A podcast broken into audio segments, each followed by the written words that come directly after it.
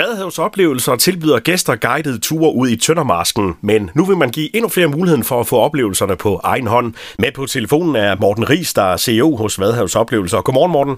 Godmorgen. Morten, hvad er det, I vil? Det vi gerne vil, det er jo, i, uh, vi vil crowdfunde til uh, 10 trækvogne, 30.000 kroner, så vi kan få nogle flere ud og opdage uh, Tøndermarsken. De skal så købes ind, og de, der skal findes penge. Hvordan vil selve crowdfundingen foregå? Den foregår på den måde, at vi har lagt et øh, projekt op på det, der hedder boomerang.dk, og der kan man også læse og se meget mere om selve projektet. Men det, det handler om, det er, at øh, jeg ønsker, at flere skal have muligheden for at komme ud og opdage Tøndermarsken. Og det her med at øh, komme ud og se Vadehavet i et hyggeligt og sundt samvær, og dele nogle mindeværdige og lærerige oplevelser med hinanden.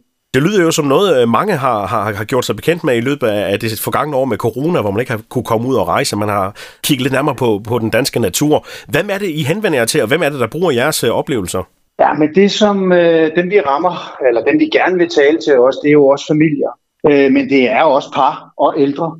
Altså det, der er pointen, det er, at vi har, har en trækvogn, som man kan tage med ud, og i den trækvogn, der er nogle forskellige ting. Altså der kan være fiskenet, regnslag eller en brochure over de sådan mest almindelige fugle og planter og sådan noget. Og så putter vi en kikkert i, madpakke og så videre. Pointen er, at man har en fast rute, man kan tage, og så ligger der også nogle opgaver, man kan løse undervejs og få noget mere læring med.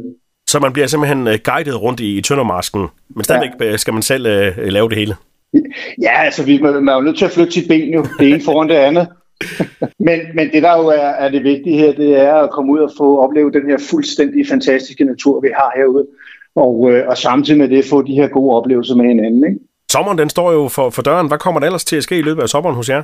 Jamen, vi har øh, blandt andet, så har vi jo tilrettelagt et, øh, et seksdages øh, sommerophold i øh, Tøndermarsken, som vi løber i stablen med her sidst i, i maj, og så kører det i maj, juni, juli og august, og det er også på Højregård. Det kan man se meget mere om inde på vores øh, website.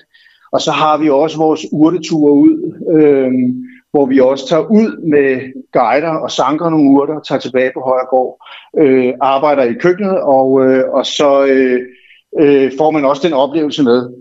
Morten, kan I mærke, om folk igen holder sommerferien hjemme i Danmark i år?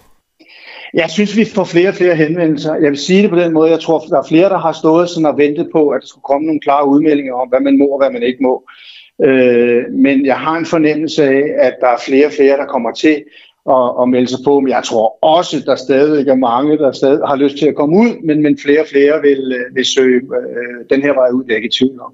Lød det fra Morten Ries fra Vadhavs Oplevelser. Tak for snakken, Morten, og god dag. Ja, lige måde. Tak for det.